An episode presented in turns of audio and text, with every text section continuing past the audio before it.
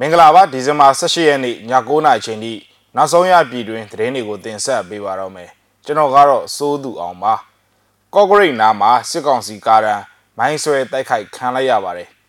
စခန်းသိမ်းတိုက်ပွဲကနေအောင်ပွဲခံပြီးပြန်လာတဲ့ KNL နဲ့ PDF ပူးပေါင်းတပ်ဖွဲ့ကိုပြည်သူလူထုကပန်းကုန်းတွေနဲ့ဂုံပြုကြိုဆိုခဲ့ကြပါတယ်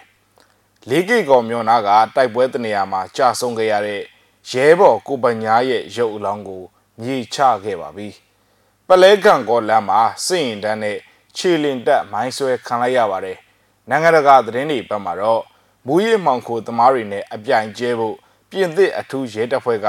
မြန်နှုံးမြင့်ကားတွေကိုဝယ်ယူခဲ့ပါတယ်။ဒီအကြောင်းတွေပါဝင်တဲ့နောက်ဆုံးရပြည်တွင်းနဲ့နိုင်ငံတကာသတင်းတွေကိုတင်ဆက်ပေးပါတော့မယ်။မြဝတီမျိုးဘက်ကိုဥတီရောက်ရှိလာမဲ့တန်ကြက်ကရင်တွေပါဝင်တဲ့စစ်ကောင်စီကားတဟာ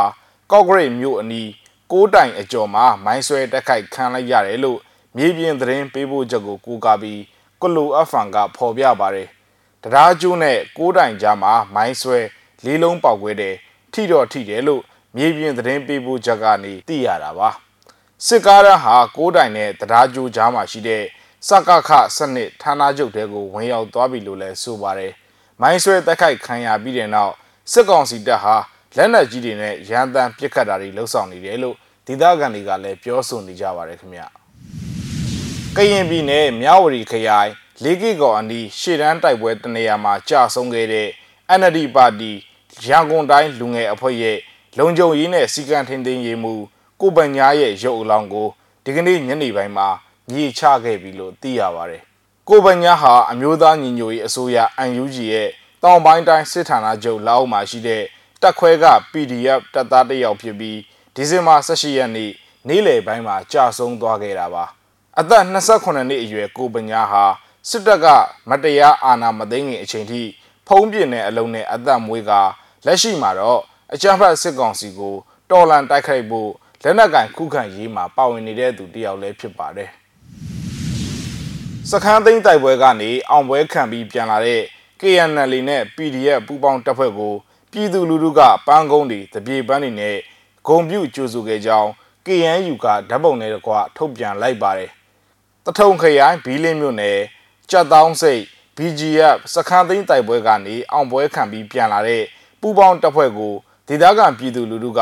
ဒီဇင်ဘာ18ရက်နေ့နေ့လယ်12နာရီခွဲမှာပန်းကုန်းတွေတပြေပန်းတွေနဲ့ဂုံပြုကြိုဆိုခဲ့ကြတာလည်းဖြစ်ပါတယ်။ဒီနယ်မြေမှာ BGF စခန်းပဲဖြစ်ဖြစ်စစ်ကောင်စီစခန်းဖြစ်ဖြစ် လုံးဝအလိုမရှိဘူးအခု BGF စခန်းကိုသိမ်းနိုင်နေဆိုတော့ကိုယ့်ရဲ့စစ်သားတွေကိုဂုံပြုတ်ပေးတာပါလို့အမျိုးသမီးတယောက်ကလည်းပြောပါတယ်ကြက်တောင်းစိတ်ကျွေးရမှာရှိတဲ့ BGF တစ်တုံညတစ်တုံတပ်စခန်းကိုကရင်အမျိုးသားလွတ်မြောက်ရေးတပ်မတော် KNL တပ်မဟာ1တပ်ရင်း1နဲ့ PDF ပူးပေါင်းတပ်ဖွဲ့တွေကဒီဇင်ဘာ18ရက်မနက်6နာရီမှာစတင်ထိုးစစ်ဆင်တိုက်ခိုက်ခဲ့ပြီးည9နာရီခွဲမှာသိမ်းယူနိုင်ခဲ့တာလည်းဖြစ်ပါတယ်ခင်ဗျာ စကိုင်းတိုင်းဒေသကြီးပလဲကံကောလမ်းပိုင်းကိုလောင်ကွင်းနဲ့ငကမတောင်ကြီးကြားမှာစစ်ကောင်စီရင်နှန်းနဲ့ခြေလင်တပ်ကိုမိုင်း၅ကြိမ်ဆွဲတိုက်ခိုက်ခဲ့ကြောင်းပြည်သူ့ကာကွယ်ရေးတပ်ဖွဲ့ PPDF က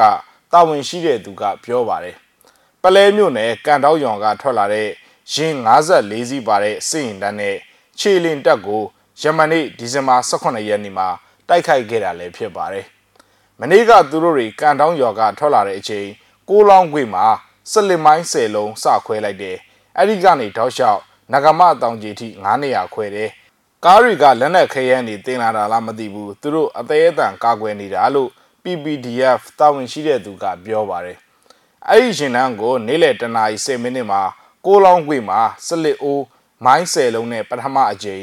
နေ့လယ်2နာရီ10မိနစ်မှာပတလားထိပ်မှာဒုတိယအကြိမ်အဖြစ်စလစ်မိုင်း2လုံးရှစ်ထွက်မိုင်း5လုံးခွဲပြီးတော့ တိုက်ခိုက်ခဲ့တာလို့လည်းသိရပါတယ်။ထပ်မံပြီးတော့နေ့လယ်3နာရီဝန်းကျင်ပေါက်ကျိုင်းတရားနာမှာတစ်ကြိမ်3နာရီခွဲမှာတစ်ကြိမ်နဲ့ညနေ4နာရီလောက်မှာတော့နဂမတောင်ကြီးမှာတစ်ကြိမ်စုစုပေါင်း5ကြိမ်တိုက်ခိုက်ခဲ့ကြောင်းသိရပါတယ်။အဲ့ဒီတိုက်ခိုက်မှုတွေအတွင်းစစ်ကောင်စီဘက်က20လောက်တိစုံနိုင်ပြီးအများအပြားဒဏ်ရာရနိုင်ကြောင်းကို PPDF ကခံမှန်းထားပါတယ်။စစ်ကောင်စီရင်နှန်းတိုက်ခိုက်ခံရမှုအပြီးဝမ်းမဲချိုင်ကြီးရွာနာမှာ တောရင်းအလုတ်လုံနေတဲ့သဲတွေကိုစစ်တပ်ကမိရှို့ဖျက်ဆီးပြီးလက်နက်ကြီးတွေနဲ့ပစ်ခတ်ခဲ့တဲ့အတွက်အနီးရွာတရာမှာရှိတဲ့အိမ်ကြီးလည်းပျက်စီးခဲ့ရပါတယ်ဆက်လက်ပြီးတော့နိုင်ငံတကာသတင်းတွေဘက်ကိုလည်းသွားရအောင်ပါမူးရှစ်မောင်ကိုသမားတွေနဲ့အပြိုင်ကျဲဖို့ပြင်သစ်အထူးရဲတပ်ဖွဲ့ကမြန်နှုံးမြင့်ကားတွေကိုဝယ်ယူခဲ့ပါတယ်အပြည့်အစုံကိုကြည့်အောင်ပါမြင်းကောင်ရဲ့250ရုံအားရှိတဲ့အင်ဂျင်ကြောင့် Alpine A1 တန်းကားဟာ ရက်လျက်အနေထားကနေ4စက္ကန့်အတွင်းတနအီကီလိုမီတာ100နှုန်းထိအရှိန်မြင့်တင်နိုင်ပါတယ်။ Renault ကုမ္ပဏီကိုအထူး order အနံပြီးထုတ်လုပ်စေခဲ့တဲ့ Alpine A10 26စီးအနက်ပထမဆုံးရရှိတဲ့နှစ်စီးကိုမကြခင်ပြင်သစ်အထူးရဲတပ်ဖွဲ့မှအသုံးပြုတော့မှာဖြစ်ပါတယ်။ Alpine A10 ကားတွေဟာမူးယစ်မှောင်ခိုသမားတွေရဲ့အရှိန်မြင့်မောင်းနေတဲ့ကားတွေနဲ့အပြိုင်ကျဲနိုင်ဖို့ ပြင်သစ်အထူးရဲတပ်ဖွဲ့အတွက်နောက်ဆုံးပေါ်လက်နက်ပဲဖြစ်ပါတယ်။အဆိုပါကားနှစ်စီးကိုပြည်ထရေးဝန်ကြီးထံ Paris မြို့မှာလွှဲပြောင်းပေးအပ်ခဲ့ပါတယ်။ Il faut que les gendarmes courent aussi vite que les voleurs. et en en en 4 secondes 5 on passe de 0 à 100 km/h avec ကျွန်တော်တို့ရဲတပ်ဖွဲ့အနေနဲ့တကိုးတွေနဲ့အပြိုင်ခက်မြန်မြန်မောင်းနိုင်ဖို့လိုပါတယ်ဒီကားနဲ့ဆိုရင်၄စက္ကန့်ခွဲအတွင်းတနာရီကီလိုမီတာ100နှုန်းထိအရှိန်တင်နိုင်သလိုကီလို250နှုန်းထိမောင်းနေနိုင်မှာဖြစ်ပါတယ်ဒီနေ့ခေတ်မှာပြင်သစ်အထူးရဲတပ်ဖွဲ့အနေနဲ့လမ်းတွေပေါ်မှာအထူးသဖြင့်အန်ဒီရထူပြောတဲ့လမ်းတွေပေါ်မှာကြားဖြတ်ဟန်တားတာ မူးယစ်မောင်ကိုသမားတွေရဲ့ကားကိုကြော်တက်ပြီးဖြတ်ပိတ်တာတွေထိဆောင်ရွက်နိုင်အောင်ထိရောက်တဲ့ပြင်ဆင်မှုတွေလှုပ်ထားနိုင်ခဲ့ပါပြီလို့ပြင်သစ်ပြည်ထောင်ရေးဝန်ကြီး Gerald Darmanin ကဆိုပါတယ်150 chevaux donc euh, monsieur le ministre l'a indiqué il fait le, le 0 à 100ဒီကားမှာကမြင်းကောင်ရဲ့250အင်ဂျင်တက်ထားတယ်ဝင်ကြီးပြောသွားသလိုပဲ၄စက္ကန့်ခွဲအတွင်းကီလို100ထိအရှိန်တင်နိုင်တယ်တကယ်က special mode ကိုသုံးထားတဲ့ကားနဲ့ဆိုရင်နည်းနည်းပဲပုံမြန်ပဲဒီကားကကီလို200ထိမောင်းနိုင်အောင်အထူး order အပ်ထားတဲ့ကားပါ ဒီထက်လည်းပိုသွားလို့ရတယ်ဒီတော့ဒီကားကအတော့ကိုစွမ်းဆောင်ရည်မြင့်တဲ့ကားမျိုးပါလို့ Airpine ရဲ့ Managing Director Lauren Rossi ကပြောပါတယ်တဝုံတို့ကြားဖြတ်တိုက်ခိုက်ရေးအဖွဲ့ BRI ကကားမောင်းအထူးကျွမ်းကျင်သူတွေသာမောင်းမယ်ဆိုရင်ဒီကားကနေဘယ်ကားမှလွတ်ဖို့လမ်းမမြင်ပါဘူးလို့သူကဆက်ပြောပါတယ်